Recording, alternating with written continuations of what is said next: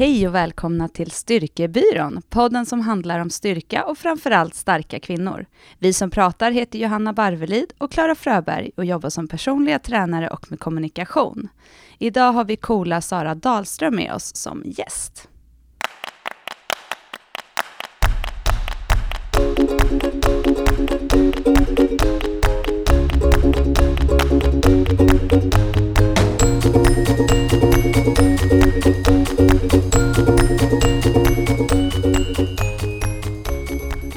Hej Sara!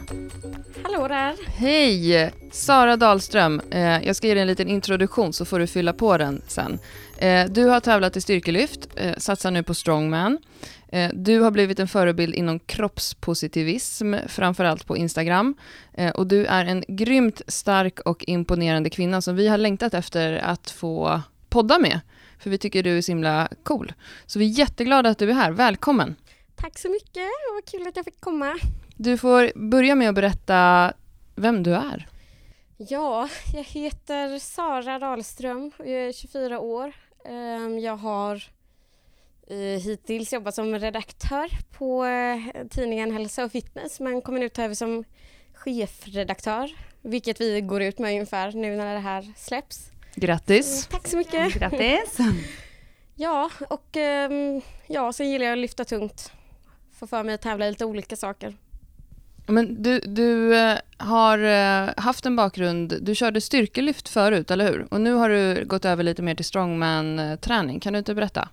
Jo, men precis. Alltså jag kan inte säga att jag har slutat med styrkelyft helt, utan det är väl mer att jag har tagit en paus. Men jag, ehm, ja, jag tävlade några gånger i styrkelyft och sen ehm, kom jag in och testade lite strongman-träning och så kände jag att eh, jämfört med strongman så kände styrkelyft rätt tråkigt.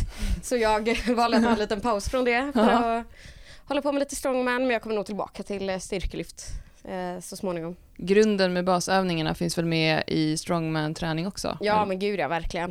Eh, det är väl det är lite mer varierat med strongman vilket eh, är kul. Det blir väldigt bra träning. Mm. Du ska få berätta lite mer om det sen, men jag tänkte också fråga hur hamnade du, för du är ju, du både jobbar med hälsa och träning på heltid och sen så mm, lever du hälsa och träning på heltid också. Hur hamnade du i träningsbranschen? Ja, man kan eh, köra den, den korta varianten att jag gillar att träna eller så kan vi köra en väldigt lång variant. Har vi tid för det? Det har vi. Okej, då började 2010 när jag får veta att jag har en hjärntumör. Eh, Det är en tumör på hypofysen som är ungefär eh, samma storlek som en pingisboll och som eh, spänner ut synnerven och eh, nära att göra mig blind i princip. Så den opererades bort dag, morgonen efter jag fick veta det. Och eh, det gick bra, den var godartad och allt. Men eh, för att få bort den var man tvungen att ta bort, eh, ja, förstöra i princip hela hypofysen. Och eh, jag vet inte om folk vet generellt vad hypofysen gör men det är en del av hjärnan som styr alla hormoner. Eh, kanske finns någon enstaka men det är i princip alla. Så jag vaknade plötsligt upp en dag 17 år och hade inga hormoner överhuvudtaget eh, naturligt. Och det är ju, innebär bland annat, eh, alltså ämnesomsättningen påverkades ju jättemycket för jag hade inga sköldkörtelhormoner. Och så var jag tvungen att börja med kortison ehm, för att ni friska har kortisol normalt. Eh, man tänker inte så ofta på det men det är ehm, det behövs vid stress eller vid träning eller vad som helst. Och om jag inte tar kortison eh, tabletter så eh, säger läkaren att jag eh, dör inom två dagar ungefär. Oj, jäklar. Så det är väldigt nödvändigt. Men de flesta vet ju också vad kortisol har för biverkningar. Det gör ju att man, eh, man blir hungrig, hungrigare, man eh, lagrar fett och man lagrar vätska. Så alla som eh, råkar ut för det här går upp i vikt och det gjorde också jag. Och ehm, ja, som 17 år och man visste inte så mycket så trodde jag att den enda lösningen var att liksom, stå på en crosstrainer eller springa eller cykla en timme om dagen. Eh, samtidigt som jag åt typ 700 kalorier om dagen. Ja, ni förstår, det var inte så Mm. himla kul. och eh, framförallt så hatade jag den träningen. Alltså, det var verkligen, alltså varenda minut tyckte jag var jättetråkig. Jag täckte för skärmen på liksom crosstrain och sådär för att annars så kollade jag på klockan typ en gång i minuten och då går det inte så snabbt. Så är det när jag tränar cardio också. Ja, Ja, för precis. mig med.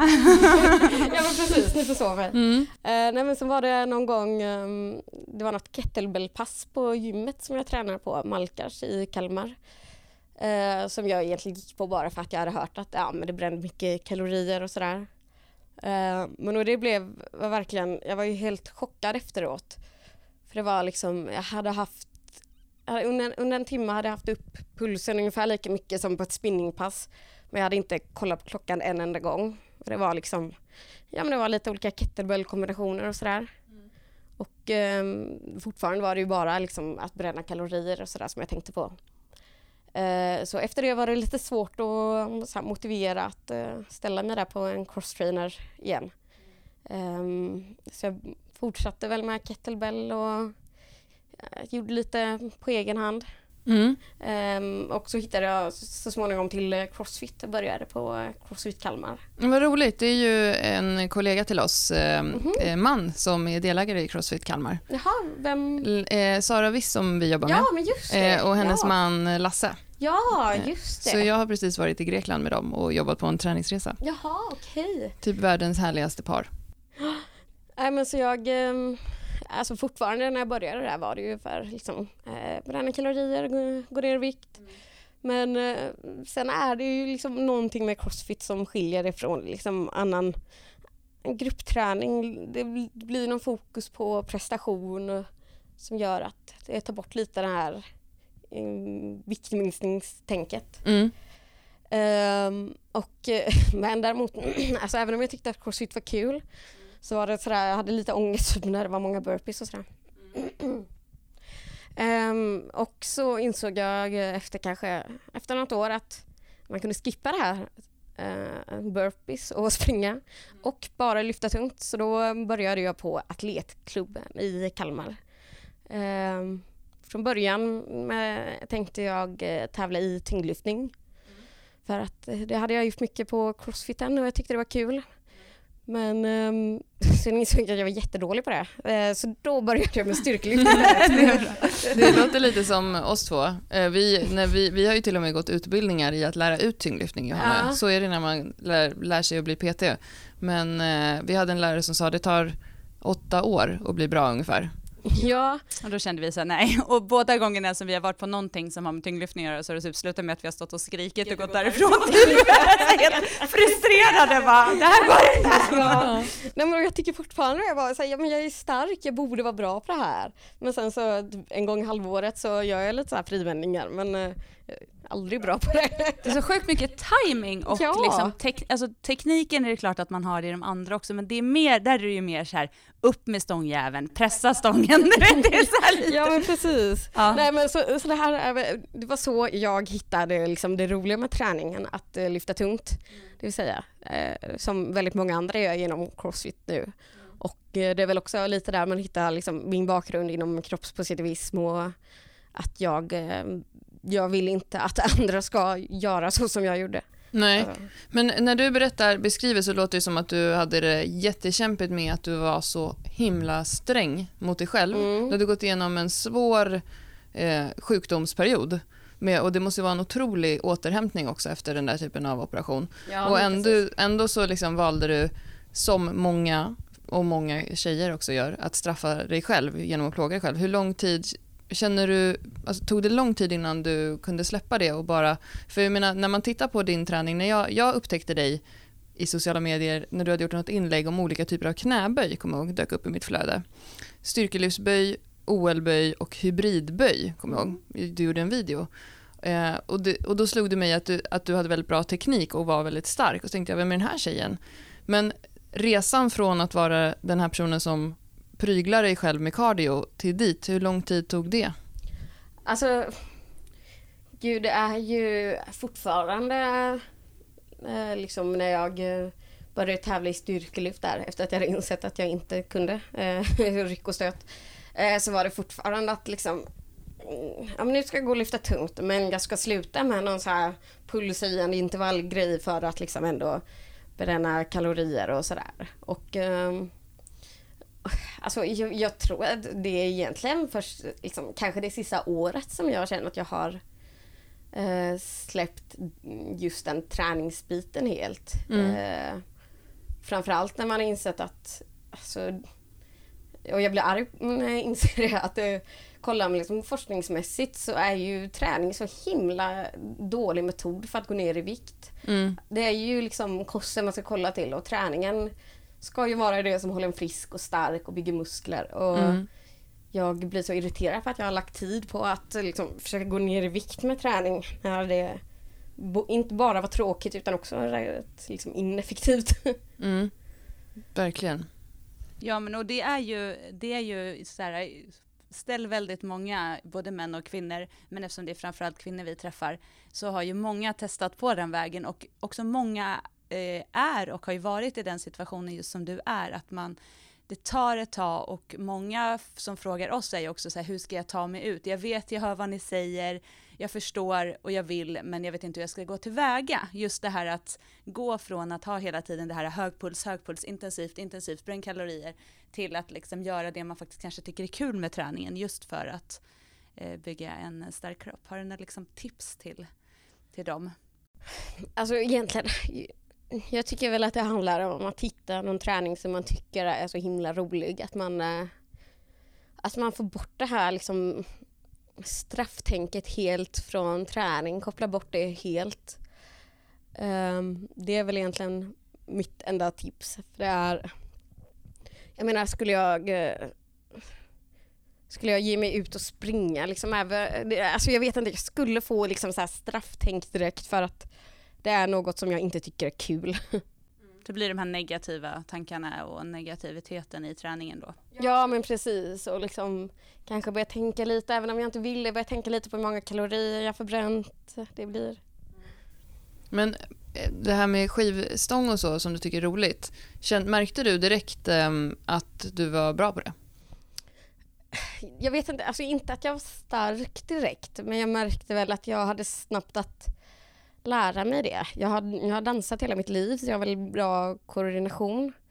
Eh, så jag märkte att, märkte att liksom, ja men det gick snabbt för mig att lära mig det. Men sen att om jag var stark direkt, vet jag, jag vet fortfarande inte om jag är liksom naturligt stark egentligen eller om det bara är att jag har... Jo, du är stark. Jo men det är sant. ja, men jag vet inte om det är att jag liksom har tränat väldigt mycket. Jag vet inte om jag är en av dem som liksom går in på ett gym och så första gången och drar jättemycket marklyft. Så tror jag inte att jag var. Utan ja. Så det kommer, kommer med tiden. Men hur Ja, många, men år sedan, hur många år sedan är det nu som, om man säger, sen, som du började lyfta mer liksom, seriöst, om man säger så, då, från att du släppte ändå lite, inte du släppte det här cardio helt, men när du började liksom lyfta, träna den, typ, den typen av träning? Vad är det? Kanske fyra år sedan eller något. Eh, Ja, något sånt där var det väl kanske sen när jag började på um, Kalmar eh, AK, Atletklubben. Eh, vilket är ett stor vändningspunkt egentligen. Man eh, börjar eh, träffa folk som bara vill lyfta tungt och inte göra liksom 100 burpees.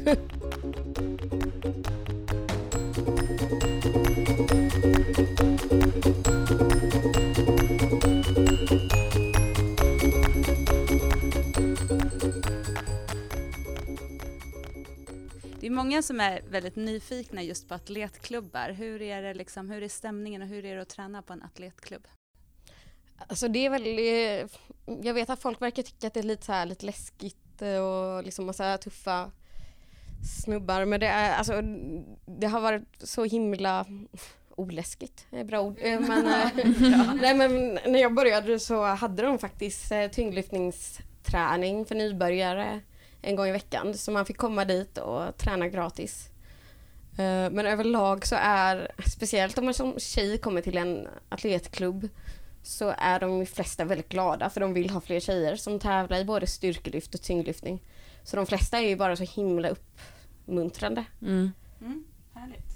Det är min bild också. Jag gjorde en prova på tävling i styrkelyft i, i, i höstas, i, i oktober förra året. Då hade jag med mig en tjejkompis också som, eh, som tävlar i en, några tyngre viktklasser än, än jag. Och hon var lite sådär innan att eh, eh, ja, men jag har alltid varit den här stora tjejen.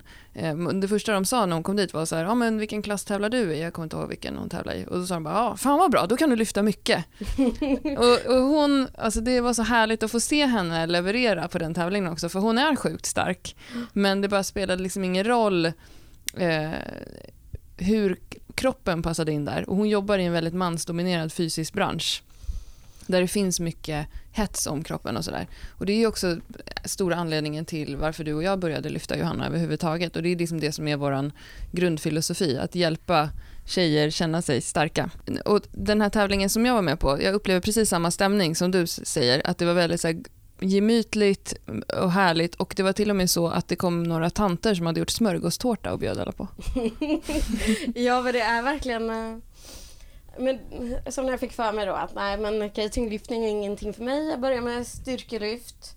Och då hade jag liksom plötsligt, eh, bara för att ja, men man tränar tillsammans med folk som råkar vara typ världsmästare. Plötsligt stod liksom Erik Gunnhamn som är världens bästa marklyftare bredvid mig och ger mig lite tips. Och liksom, ja, men, eh, glad att jag började tävla i styrkelyft. Alltså det är ju verkligen, mm, man får hjälp av liksom alla möjliga för att alla är bara glada över att liksom sporten att fler blir intresserade. Mm. Och det, för det är en sak som vi brukar säga till våra lyssnare som säger ja, men ja, det finns ingen eh, typ av PT som jobbar som ni gör där jag bor. Och då brukar vi alltid säga så här, men finns det inte någon kraftklubb någonstans? Men då blir folk skraja för att gå dit. Eh, och det är så, vi vill så gärna få ut det här budskapet som du nu säger. Det är inte farligt. Nej, det är nog faktiskt lättare att trivas där än på ett stor, en stor gymkedja om det är det man har att jämföra med känns det som. Ja, men gud ja. Och, ja, men för nu har jag ju egentligen mest eh, Kalmar AK eh, då som nybörjare. Men jag har också varit här på, i, på atletklubbar här i Stockholm. Och där har det varit liksom coacher som har liksom kommit och vill hjälpa mig och ja, det, Alltså bara för att folk är snälla. Mm. Eh, Sara, du berättade ju lite i början att du nu har gått över och eh, börjat träna lite för strong, eller lite, mycket för strongman istället. Kan inte du berätta lite, vad innebär det, vad tävlar man i och hur går det till? Alltså det är eh, rätt stor skillnad mot styrkelyft för att det här, alla tävlingar ser inte likadana ut utan det är det finns lite typiska grenar som brukar vara med. Det är liksom att välta däck, eh, farmers walk, eh, dra en bil kan det vara, marklyfta en bil, eh, lyfta en stock. Men det kan vara antingen en, man ska lyfta en stock så många gånger som möjligt med en viss eh, vikt eller att eh, så tung, man ska lyfta så tungt som möjligt. Och det här varierar helt från eh, tävling till tävling. Så nästa helg ska jag tävla i Växjös starkaste kvinna och då vet jag vet vilka grenar, vilka vikter, men jag vet inte vilka liksom, sträckor det ska gå eller eh, någonting. Så, det... så man får lite in, information inför liksom, vad det handlar om så? Ja men precis. Och det är väl lite för att man ska veta om man... Eh, det är ju rätt tråkigt att anmäla sig till någonting där det är liksom pressa 100 kilo på tid och så, ja det finns ju ingen chans att jag ska kunna pressa 100 kilo. Nej, så då, men, men är det så då att man, då är det den tävlingen och då kan man inte vara med om man inte klarar det eller hur funkar det? Det är inte så att det finns olika liksom? Nej, det finns en dam och en herrklass. Ibland ja. om det är många eh, så kan de väl dela upp det lite liksom tyngre herrar och sådär men det är inte efter viktklasser sådär oftast. Ehm, och eh, det, det, är väldigt mycket, ja men det är rätt vanligt att ja, men någon klarade inte en repetition där och då får det vara så. Det är ju inte som i styrkelyft där man liksom har tre försök och man vet exakt hur man ska göra och planerar innan. Och det är det jag tycker är lite skönt för det, det kan bli, inte tjatigt, men det blir så här, man, man gör samma sak varje gång i styrkelyft. Jag tycker det är lite skönt med strongman att eh, man inte kan förbereda sig så här till punkt och pricka utan det får bli lite som det blir. Den här tävlingen är bara för kvinnor? Ja, det är, finns, det är för herrar också, men det är uppdelat. Så det... Och, men den, en sak som jag tycker verkar läskig i strongman-träning, men som jag ändå är lite sugen på, det är det här när man lägger upp en sån här atlassten, mm. eller atlasklot heter det va? Mm. Eller de här ja, runda, ja, som man ska precis. lyfta från marken och lägga upp på en hylla. Och då tänker jag alltid tårna, tårna. Ja men precis. Och det är, jag, vill ha, alltså jag, jag är väldigt kort, framförallt väldigt små händer så jag är extremt dålig på eh, just eh, det. Men eh, just i den här tävlingen jag ska vara med på så handlar det om att farmers walk med 60 kilo per hand. Sen är det eh, stockpress med 40 kilo. Och sen är det att välta ett däck. Det är rätt tungt men eh, jag vet inte riktigt hur mycket. Och att dra en bil. Shit, men den här stockpress, måste man frivända stocken först då? Mm, jag tror det. Det är helt sjukt! jag bara tänker bara så här 40 kilos stång Ja. som står på ett rack och pressor som ligger i ett rack och ska pressa upp det. Herregud, ja men coolt. Nej, alltså det, det beror lite på den här tävlingen då. Växjös starkaste, det är um, liksom Växjös variant av stadsfest eh, där de alltid har en strongman-tävling Mm. som är liksom mitt på Stortorget i Växjö, det vill säga mitt i centrum. eh.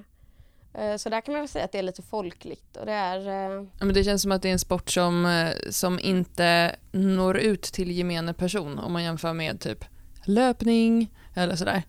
Nej men så är det. Och det är lite synd för det sku, alltså, alla skulle ju kunna gå ut och lyfta en sten. Ja, precis. Ja. Eh, de här atlas-scenerna som vi pratar om, de som är helt runda. Det är ju en gren som kan vara med. Sen kan en gren i en tävling vara en natursten och det är liksom sten man har hittat ute som man eh, och, det, och det går ju så himla enkelt att träna inför. Jag menar, att dra en bil, en, det kan man göra också. Man kan alltid hitta en bil det är så här, någonstans. det, när vi pratar inför den här sommaren i ett poddavsnitt, då pratar ju vi just om det här med att ta, hitta en sten och bära runt på eller liksom använd saker mer i naturen, alltså gör det inte så svårt. Och det är ju ändå coolt med det här, för det är ändå lite mer åt det hållet, att har man tillgång till några trädstammar och grejer så har man liksom, kan man ändå göra rätt mycket. Ja men precis. Nej, men och det är det som är väldigt kul. Jag, jag gör ju ofta det för vår sommarstuga. Jag hittade på en lekplats en väldigt bra sten. Jag har efteråt förstått att ja, stenen jag kanske inte skulle ha snott den stenen men det gjorde jag. Så nu har jag den eh, vår sommarstuga och det är väldigt skönt när man inte eh, orkar eh, ta sig till gymmet. Så lyfter jag upp den och så typ går jag så långt jag orkar. Sätter ner den, vilar lite, repeterar kanske tre, fyra gånger och sen, ja det blir som världens intervallpass. Mm. Men om man, vill, om man är nyfiken på det här med strongman, vad, kan man hitta, liksom, finns det någon riksorganisation eller hur hittar man strongman-föreningar eller klubbar? Det är väl det som är problemet att det är ju inte, det finns ju inte direkt någon förening som har detta men eh, det, alltså det man får göra om man är intresserad, det finns eh, en Facebookgrupp vi som tävlar i folkklassen strongman eller något. Mhm, smart. folkklassen är ju då liksom ja, men random som vill börja eh, tävla i strongman. Och eh, det är väl egentligen där man kan hitta det. Eh, för tyvärr finns det inget eh, organiserat. Jag vet att det finns folk som håller på och försöker men eh, det är väl kanske lite det som är tjusningen också, att det dyker upp tävlingar lite var som helst. Eh. Mm. Kommer kanske få se dig Johanna om några år då? Nej, jag skulle precis säga att styrkebyrån får anordna en strongman-tävling. det var min tanke. Men ja, okej. Från löpning till strongman. Johanna Barvelid. Ja.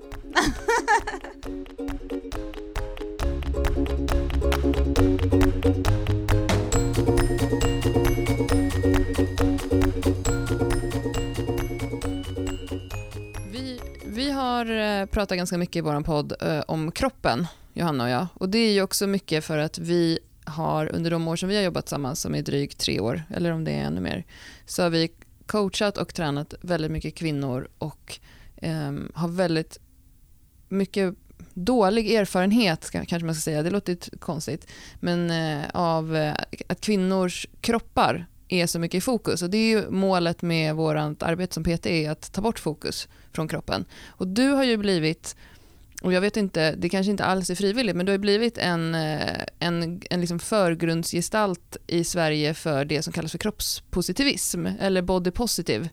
Kan inte du berätta, Sara, vad, vad är det för någonting? Alltså kroppspositivism känner jag i alla fall, det handlar om det handlar liksom inte om att kroppen ska se ut på något särskilt sätt utan att man framförallt ska sluta fokusera så mycket på hur kroppen ser ut.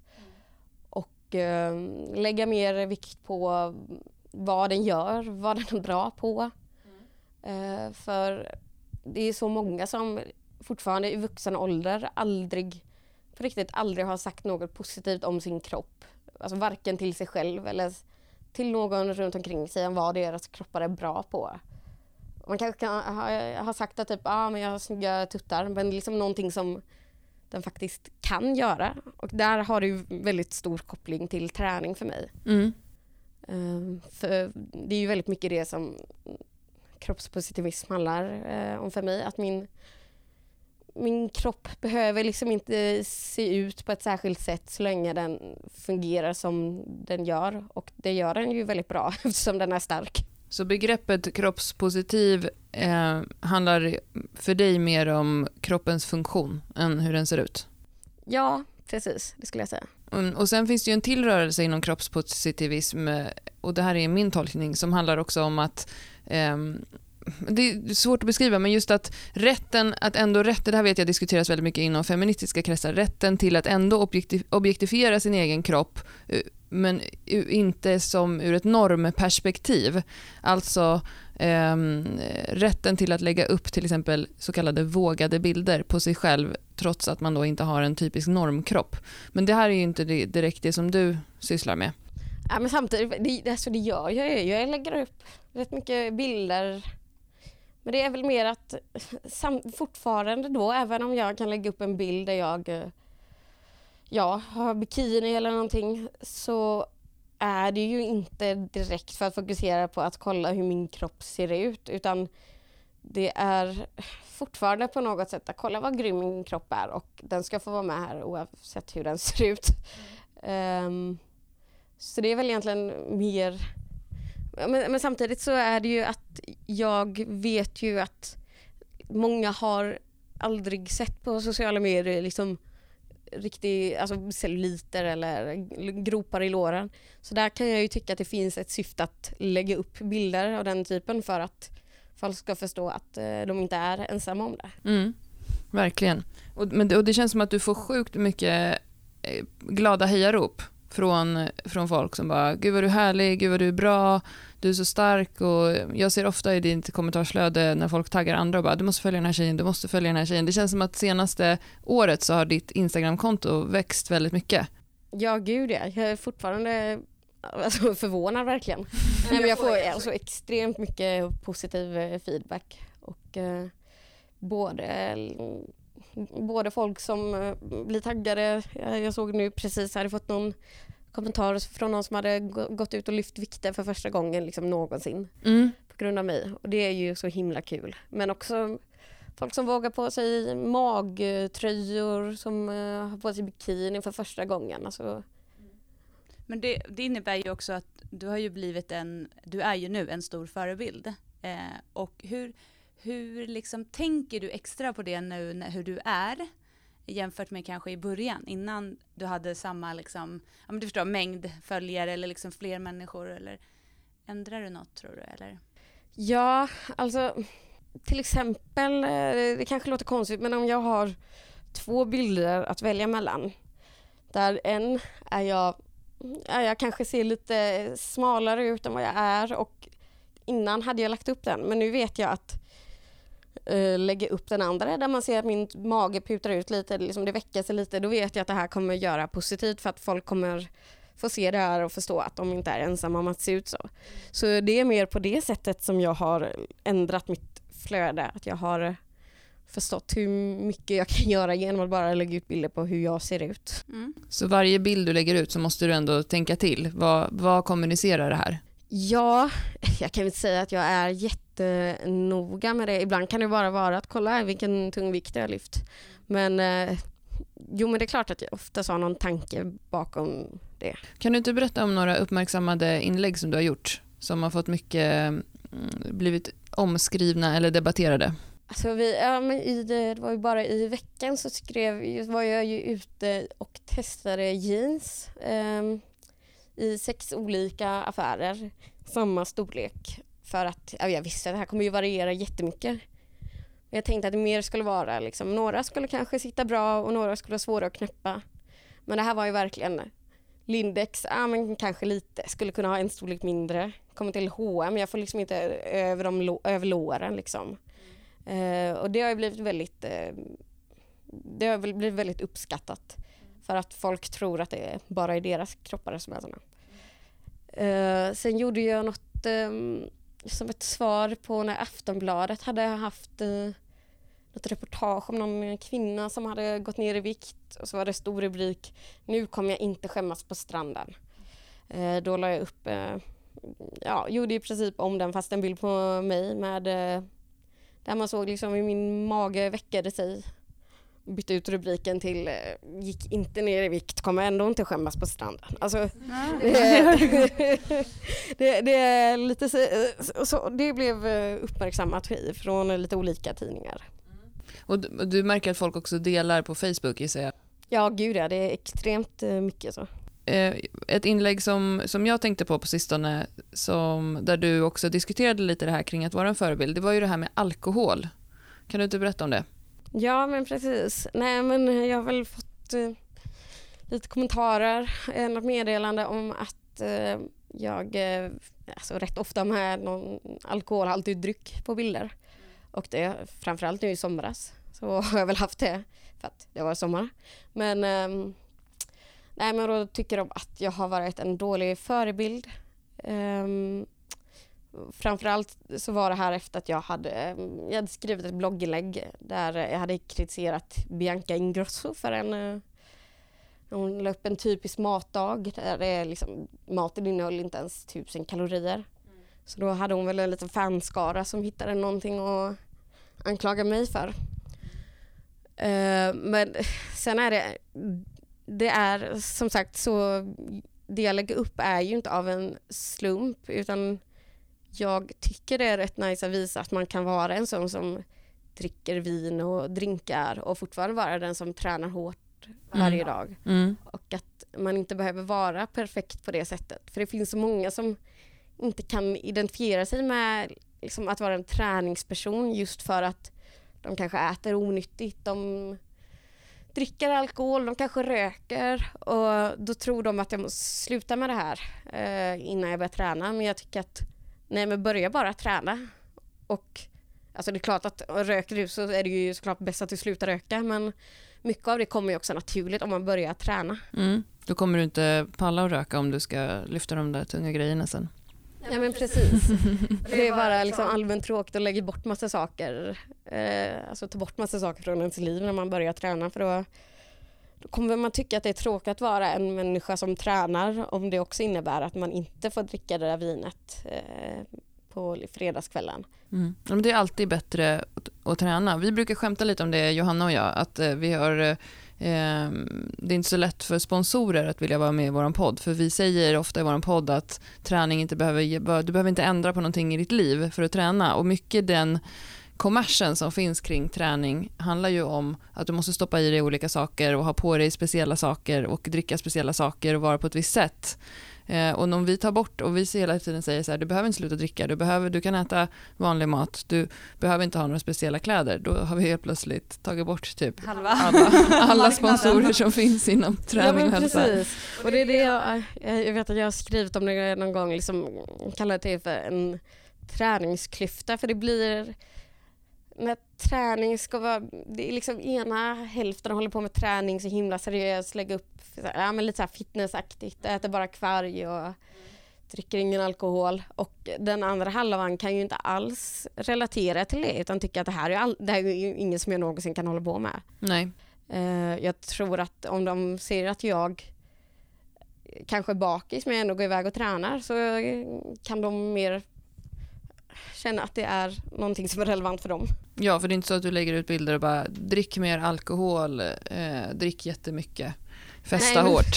Nej men precis, jag, jag menar, jag, jag, jag har nog aldrig, alltså, det är väldigt sällan jag ens nämner någonting med eh, glaset jag har vid mig. Det kan vara liksom att ja, men om jag ligger på en madrass i poolen med ett vinglas i handen så kanske jag tycker det är nice. Och, alltså det där vinglaset kanske förhöjde just den stunden. Och eh, nej men det är, eh, jag, jag, tycker liksom inte det behöver vara en så stor grej, träning överlag, att det behöver inte vara något som förändrar hela livet. Det kanske gör det så småningom, men man behöver inte börja träna med den inställningen utan det kan bara vara liksom en timme man lägger till och så får vi se vad som händer. Ja, men det är så härligt att höra. Men när du pratar om det här, då tänker jag på dig och mig Johanna, för vi det, en sak som vi har lite svårt för, det är att vi ser oss som förebilder. Vi jobbar med träning. Det finns många poddar om träning som gjord, görs av personer som inte jobbar med träning, vilket innebär att de personerna kan prata utifrån perspektivet det här funkar för mig, jag lyfter så här mycket. Men vi pratar alltid ur perspektivet våra klienter och de eh, som lyssnar på vår podd. Eh, och, och Sen finns det också den här filtret i träningsbranschen som är väldigt tuff när det gäller andra personer som jobbar med träning. Som kan, om vi lägger upp en video med ett knäböj så kan vi få en kommentar som är så här, dorsalflektionen är mer än 120 grader i den här vinkeln. Hur tänker du på, har du aktiverat piriformis? Um, vilket gör att det känns väldigt, som ett väldigt tufft klimat för oss också som coacher och PTs. Och jag skulle egentligen vilja att vi också kunde eh, osensurerat eh, dundra på på det sättet som vi själva personligen tränar. Men vi skiljer väldigt mycket på oss själva och våra konton eh, i eh, de här sista kanske repetitionerna som ser lite sjuka ut för att de är sjukt tunga eller att vi, vi väldigt sällan säger vilka vikter vi själva lyfter för att inte skapa stress för andra Um, och just att vi visar det censurerat. Men jag vet att du Johanna, du la upp en bild nyligen på löpning, vilket är någonting som vi skämtar väldigt mycket om, när du var ute och kuta. Uh, och då fick du så otroligt mycket hejarop och då pratade du också om att det kanske berodde på att eh, din mage, du har en mage som eh, är sjukt stark men som väldigt tydligt syns att du har fött barn på. Um, på huden och att vi upplever att många liksom, tyckte att det var väldigt positivt att en person som är den typen av förebild upp en sån bild. Men jag kan känna att vi i alla fall, vi censurerar oss mycket för att förhålla oss till alla de här oskrivna reglerna. Känner du igen det här? Ja men gud ja. Och så nu är det med just strongman-övningar, liksom, när man går med ok eller farmers walk, där finns inte riktigt lika, det är inte lika många som gör det. Det finns inte lika många regler, så här, exakt vad, vilken vinkel ditt knä ska vara. Mm. Men när det kommer till knäböj eller marklyft så kan jag censurera bort den här sista repetitionen för att jag skulle inte rekommendera någon annan att lyfta så här. Mm. Men eh, alltså, jag hade inte tyckt att träning var kul om jag inte själv hade gjort. Uh, nej men det är ju så och det är väl det som är just det här att jag menar, när du tränar så har du, du har en viss del som du kommer göra och de kommer inte vara perfekta. Men lägger du ut det så blir det sån, då blir det liksom allas verklighet. Att det är, det, antingen så är det kommentarer att, eh, att så här, tekniken, du har bristande teknik och jag skulle inte lyfta så där tungt om jag var du och varför gör du så och så vidare. Och det är en sak och sen blir det också en verklighet för de som är osäkra. Att liksom så här, men det är så där de ska vara. För många tittar ju väldigt mycket och skapar sin egna liksom verklighet utifrån det och det är det som, som vi har märkt några gånger bara när vi har gjort det att vi har blivit så här, men gud, oj, det där lite lilla tänkte inte jag alls på. Det här är ju typ ganska så här lugna lyft eller vad man ska säga. Så det är ju verkligen en, en balansgång där som sagt. Ja men gud ja, och det, det kan vara om jag gör knäböj som med väldigt lätt vikt. Då kanske jag inte tänker jättemycket på tekniken för att men det, det behövs inte det här. Jag hade kunnat göra 100 repetitioner med den här vikten. Om jag kanske gör det som en del av ett cirkelpass eller något, något liknande. Men då får jag ändå kommentarer. Akta knäna, det kommer bryta ryggen. Nej, för det här hade jag kunnat göra liksom tusen gånger. Det... ja. då, då, kommer du snabbt in på, på min eh, nästa eh, fråga. Eh, du, jag ser ju också i dina kommentarsfält att du får mycket skit också. Ehm, det är ju allt möjligt om just sådär, eh, det brukar ju du också skriva inlägg om, när folk har skrivit, just gett dig feedback kring hur du ska bete dig på gymmet. Men sen också det här kring kroppen och när du lägger ut saker kan det ju vara så här, eh, vem fan bryr sig om det här och sådana där saker. Hur, hur hanterar du det? Är inte det jättetufft att hantera? Alltså jag får fortfarande, alltså jämfört med hur många, mycket positivt jag får så får jag så himla lite negativt. Att jag fortfarande kan se det som något lite komiskt. Um, men det kan vara allt från liksom typiska trollkommentarer, så här, fulvär, alltså, eller det, det, var nog den roligaste kommentaren som jag fick. Um, jag fikade ju en före och efterbild för några dagar sedan för att visa hur uh, att de här före och efterbilderna inte alltid är sanna. Mm. Och så fick jag en kommentar du, sk du skulle inte dö av att träna lite. du bara, okej. Okay. uppenbarligen inte kollat på en enda bild eh, innan, inte liksom läst beskrivning eller någonting. Och då blir det ju bara komiskt. Uh, men uh, så på tal om uh, teknik och sådär så har jag ju börjat lägga upp lite alltså väldigt enkla guider över knäböj marklyft hittills på min Instagram. Jag kommer göra bänkpress också. Eh, där de som följer de här råden kommer in, absolut inte bli världsmästare men eh, det som jag har märkt är att det är väldigt många som inte ens vågar göra knäböj eller bänkpress eller marklyft för att ja, folk får det framstå som att det är så himla svårt att man måste gå till en PT. Inget fel med det, men eh, att man verkligen måste ha med sig någon när man gör det. Men det är ju ändå rätt grundläggande rörelser som är vi rädda för att liksom sätta oss ner så är det ju ändå något fel. Det som vi ofta hör är ju, eh, jag vågar inte gå in i den, nu gör jag sådana citationstecken, hörnan i gymmet. För där står alla som är så himla seriösa. Och då brukar vi säga att alla som står där inne vet ett, inte själva vad de håller på med och två, är så otroligt självupptagna så de ser inte ens de ser inte ens det. Precis. Nej, men då la jag upp någon eh, guide över då hur man gör knäböj. Eh, det är liksom, eh, vad var det jag ska, men att det egentligen handlar om att liksom sätta sig ner, resa sig upp och så länge du inte gör något väldigt konstigt med ryggen, så länge knäna inte faller ihop jättemycket och så länge det inte gör ont, då kommer inget farligt hända. Och det här är verkligen väldigt tydligt att det här är mest grundläggande för att man ska börja med det. Men då får jag ju någon kommentar från någon snubbe. Knäböj är inte alls bara att sätta sig ner och ställa upp. Det är faktiskt en jävligt komplicerad övning. Jaha, hur menar du då? Ja, det handlar om hip hinge och handledernas vinkel. Ja, det är det där. kolla, kolla på Youtube-videos av han, Riptoe och ja, massa sånt. Och det var ju precis det som det gick ut på att man inte behöver det här. Och det märks ju rätt tydligt när någon kommer in sådär att ja, du har precis upptäckt eh, knäböj och eh, liksom teknik, eh, tekniken bakom den. Mm. Och, och, det är sådär typiskt, liksom, du kommer in liksom, män som ska berätta lite att nej men sådär är det inte. Här. Eh. Och sånt får jag ju alltså, varje dag. Får jag, liksom, någon man som kommer in och berättar liksom, vad det är fel, vad jag borde göra bättre. Mm.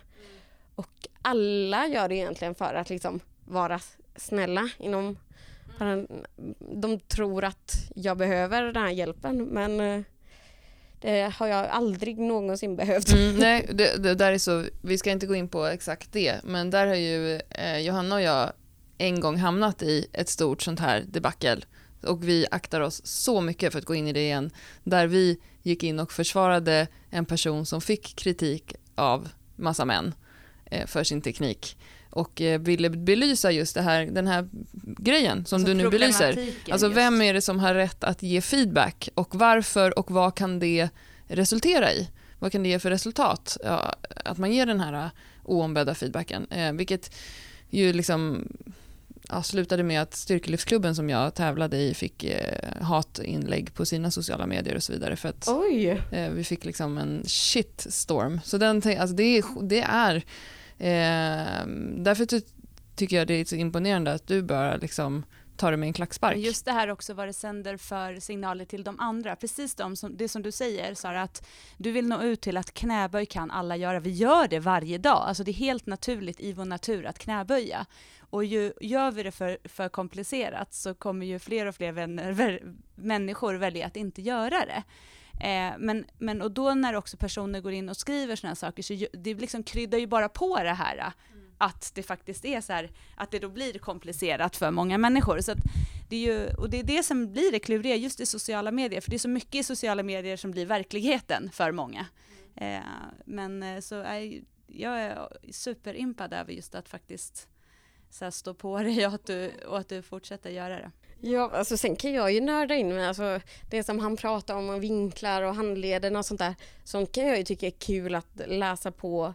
Och det kan absolut vara värt att tänka på om man kanske inte om man ska börja tävla i styrkelyft men om man liksom har börjat tävla och sen liksom vill placera sig bättre då kanske det kan vara värt att liksom nörda in sig lite mer, testa lite olika. Men det är ju alltså någon som säger att det första man måste tänka på när man börjar göra knäböj, att det är liksom handledarna, då, då har man ju inte så himla bra koll. Nej. Det finns en sån rolig eh, meme, eller en, en tweet en gång som, som folk brukar dela kring det där. Där det är en man som twittrar till en kvinna och säger så här “No, that's not mansplaining. Mansplaining is when...” och så, så mansplainar han det. Men alltså det, det är alltså bokstavligt talat det jag har fått, för jag har ju skrivit en del i vloggen om mansplaining. Just för att när det handlar om träning så är det ett stort problem. När jag skriver om det så får jag så himla mycket kommentarer från kvinnor som bokstavligt talat inte vågar göra vissa övningar eller vara särskilda delar av gymmet för att det kommer fram män och berättar vad de ska göra.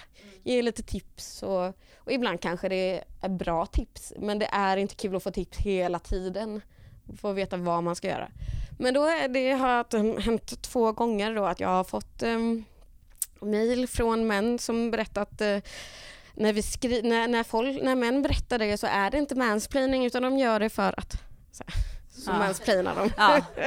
det, det, är ju helt, och det där är ju sån sak som vi träffar många av våra kunder, både som är på, som vi har haft online, men som också är liksom live och träffar oss och som är med i grupper och sånt. Så vi, för det första är vi alltid så här, när vi har avslutat någonting så är vi så här, alla här kan gå in på vilket gym som helst och göra sina marklyft, bänkpress och knäböj och behöver inte vara oroliga när de får kommentarer, utan var trygga i det själva och säga så här, tack för informationen, men jag fokuserar på det här nu. Och jag tror att det är ju verkligen en stor del också i att våga vara trygg i sig själv, att kunna säga så här, tack men nej tack. För att är man osäker och kanske inte riktigt vet vad man gör så är det klart det är svårt att kunna då, vad ska man säga, kontra med någonting, för det oftast vill man ju kunna säga någonting. Eh, vi har ju fått oerhört mycket, eller oerhört, vad säger man, vi har fått jättemycket eh, feedback, jag och Klara, när vi har tränat av människor som liksom, jag kan så fundera på själva varför de själva tänker att de ska ge feedback, för när jag tittar på dem så skulle jag kunna säga en hel del saker om jag hade velat, men jag har inget behov av det. Och det är väl just den här grejen att, liksom, för det första så, jag, de, många av de här har ju inte ens en aning om vad mitt syfte är med träningen. Eh, har jag något visst syfte så kanske inte det är just det där som är mitt fokus just nu. Så det är så många saker också som ligger bakom, men är man lite osäker och inte liksom vet själv, då är ju det där det värsta som kan hända. Till skillnad från om man har känner så att man får så här, kanske träna in någonting som man vet, här, jag säger det här om någon kommer fram så känns det tryggt. Ja men precis, jag la upp, eh, jag vet att jag la upp en video på det, boxby om ni vet. Det är ju, man sätter sig på en uh, låda, alltså knäböj där man sätter sig på en låda. Eller en bänk eller vad som. Och då, i alla fall när jag gör det så är det för just för att stärka upp en viss del av min knäböj, vilket inte är i det djupaste läget utan liksom det blir lite, en, lite grund knäböj jag gör. Och det här är en bra övning jag tycker. Jag tycker jag märkt att den har ger effekt men jag slutade göra den i kanske ett år för att det alltid var någon man som kom fram och sa att jag borde gå djupare. Och så försökte jag, nej men nu gör jag den här övningen just för mm, för en viss del så är det fortfarande, ja fast det, du skulle få bättre resultat om du... Och då vet de ju inte att jag liksom tävlar i styrkelyft och har just identifierat den svagheten. Och det orkar man inte förklara för alla som kommer förbi eller? Nej, verkligen inte. Och, eh, och just att du gör jättedjupa knäböj också. Ja, ja, men precis. Men det spelar ju inte, det har inte han med att göra heller. Sen är det så roligt det där, jag, jag tränar i en styrkelyfthörna på ett globalgym nu där det finns olympisk eh, utrustning. Och då var det en kille som gjorde faktiskt världsrekord i marklyft för nyligen som tränade bredvid mig. Han bänkade, jag böjde i powerracket och eh, så hörde jag en kille som går fram till honom och säger så här, du jag bara undrar eh, när du gör de här vikterna, du gör liksom inte hela rep repetitionen i bänkpress, du gör bara lite så här halvt, varför gör du så? Han bara, äh, men jag har inte kommit upp till min arbetsvikt än så att jag tänker att jag sparar på krafterna så jag gör inte jag gör inte hela rörelsen. Och så bara tänkte jag så här, gud, det, det krävs lite eh, erfarenhet att våga säga sådär till någon på gymmet också. Den första killen visste inte att han pratade med en kille som, som sen skulle bänka sjukt tungt där ja, men bredvid. Precis. Men också så här skönt, han bara, äh, jag sparar på krafterna, jag gör lite, jag gör lite halv, halvor. Det är så himla skönt att bara ha någonting att säga och det är det de flesta inte har. Eh, vi brukar säga som Johanna sa innan eh, till, till tjejer att de ska säga så här, tack för dina råd men idag fokuserar jag på mina skulderblad. Ja men precis, ja men det är bra. Men det är också, jag menar man ska ju inte behöva förbereda sig med någon replik när man går in på gymmet. Men det, det gör ju liksom jag också. Eh, Det kan vara någon som, jag menar, även om jag gör kanske farmers walk, ah, du, du, nu går du bara några meter, du skulle få mer effekt om du gick hela vägen. Så, nej, för nu gör jag, nu går jag liksom med 100 kilo på hand. Eh, Det är... det är typ inga andra som klarar det. är så sjukt tufft. Ja, herregud. Ja, nej, men det är tydligt på hur liksom män vill komma och berätta hur det ligger till hela tiden är ju nu när jag gick och testade de här jeansen. Och jag har ju fått eh, t- två kommentarer då från män som eh, säger att nej men eh, att, det, att det är någonting som jag har gjort fel när jag har testat dem. Att det är liksom, ja, men då, det liksom så, här, nej men så mycket varierar det faktiskt inte utan det beror mer på liksom eh, vad du har för modell och hur du bara, men gud, och jag frågade faktiskt sen, bara, "Aha, har du testat mycket eh, kvinnokläder? Och eh, fick svar, nej men jag har köpt mycket till min fru, hon har aldrig behövt lämna tillbaka. Eh, ja, du kanske typ köpte fula saker som hon inte brydde sig om att lämna tillbaka. Ja men det är ju alltså verkligen så mycket de ska lägga sig i. Ja, Det är också så fascinerande hur man kan ens, en sån grej, hur man ens kan behöva så här motsätta sig det. det är, alltså, och det är det som gör hela det här så fantastiskt spännande på något sätt. Och eh, att liksom i den grejen, vad exakt är det som du behöver få ut av det liksom? Ja men och det var det som jag tyckte var, ja, det är ingen som kan motsätta sig det som jag kallar jeansexperimentet för att här ser ni konkret, jag har på mig jeans i samma storlek, vissa går inte att få upp, vissa är liksom aningen för stora. Och ändå så kommer det liksom folk att sätta sig emot att du har gjort fel. Ja, men precis att det är någonting Du kanske har som... satt dem bak och fram. Ja men precis, det är nog det. Men gud vad sjukt. Ja, och det är det här som är, träning och hälsobranschen är så stor egentligen och består av så många olika delar och olika lager. Och eh, det är klart att inte alla känner till det, men det är bara att om man går på den här eh, mässorn, mässan som är varje år, fitness och hälsomässan brukar vara samtidigt, då är ju liksom, det är ju två helt olika världar. Där den ena världen, Eh, det var vi några kollegor till oss som var på fitnessmässan och de sa att det var som att gå runt på ett rave liksom, med så här nakna bruna människor som bara trycker i sig massa olika saker, men det handlar inte så mycket om träning och hälsa. Eh, och det är det som gör att det blir så så snårigt för folk att förhålla sig till allting. Eh, och vi skulle väl önska att vi kunde lite mer säga så här, gör lite vad som helst. Men eh, vi anser att vi inte kan det heller. Det är skönt att du finns och gör. det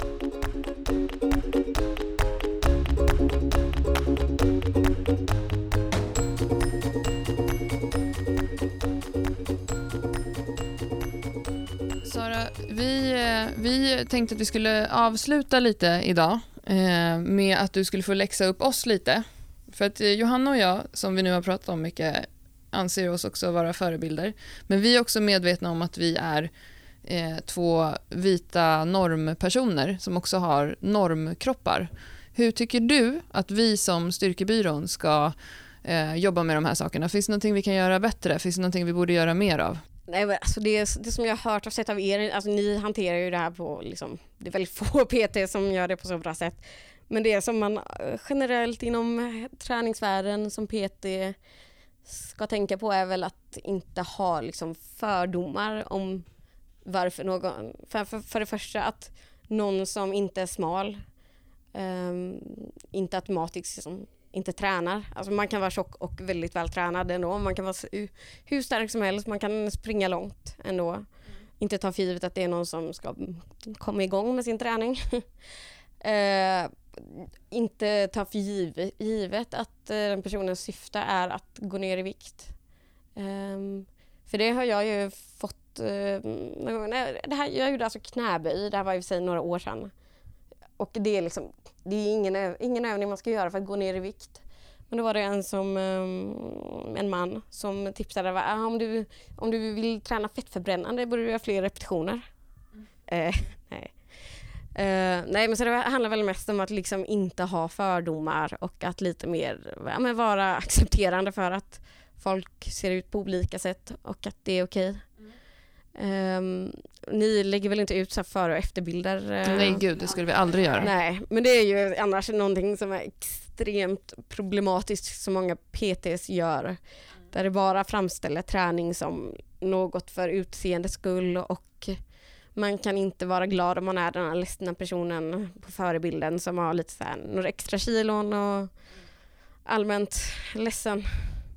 Så ja, men det handlar väl om att inte ha liksom fördomar och eh, acceptera att alla ser olika ut. Mm, och det är ju precis så vi jobbar också. Våra mål är att fler ska våga gå in eh, och ta tag i tunga grejer och skrika och krita och fisa på gymmet. Och, då, och vi brukar säga till våra klienter att eh, ehm, jag hör att du har ett viktmål, men jag föreslår att vi satsar på att lyfta mer istället så kommer du förhoppningsvis att släppa det. Ehm, Det är ju någonting som, och vi kan nästan vara lite osköna på det sättet tror jag. När vi, tidigare när vi jobbade online så försökte vi alltid bolla bort de här klienterna som hade viktmål på slutet för att vi kände inte att det var roligt. Ehm, Det är ju roligt att hjälpa någon att komma bort från det målet. Det kan man ja, säga. men precis. Ja, och sen också just det här som, som, som vi vill trycka på just det är ju att för det, hand, det det handlar om, och som jag tycker du har varit tydlig med, det handlar ju om att lära sig att älska sin kropp som den är. Och att eh, våran, liksom, det här med som vi jobbar mycket med är ju att blir du starkare så kom, liksom fysiskt så kommer du också bli det psykiskt. Och du kommer också kunna älska dig själv för det du är och det du gör. Och precis som du berättade i början Sara om det här med att vad kroppen klarar av. Vad levererar din kropp 24 timmar om dygnet liksom? Eh, och det är, ju, det är ju en av våra drivkrafter. Det är ju att flera människor ska träna för att bli starka, inte, och må bra givetvis, men att inte träna för att eh, gå ner i vikt. Och det är fortfarande så är det så många mer procent som har det fokuset. Och, så det finns ju hur mycket jobb som helst att göra där. Precis, då jobbar vi mot samma mål ungefär. Ja, men det är ju skönt. Men vi vill ändå veta hur vi ska göra för att bli bättre.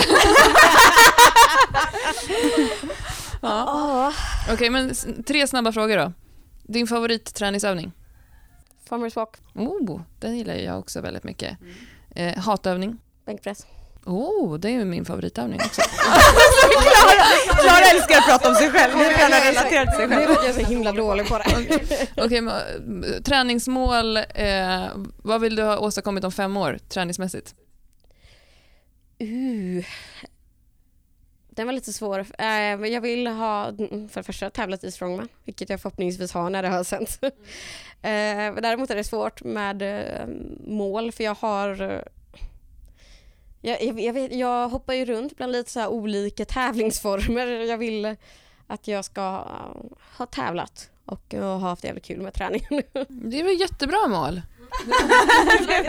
Tack Sara för att du har varit med här idag. Det har varit grymt kul att ha dig med och härligt att lyssna på dina stories och eh, ditt liv, jag säga. Din träning. Fortsätt vara den coola person du är, så ska vi göra vårt bästa för att också jobba mot just de här sakerna med eh, kroppen och träning och hälsa. Tack så mycket. Tack. Vi heter fortfarande Styrkebyrån i alla kanaler. Vi hörs igen om en vecka. Ja, det gör vi. Puss! Ha det bra. Hej då. Hej då.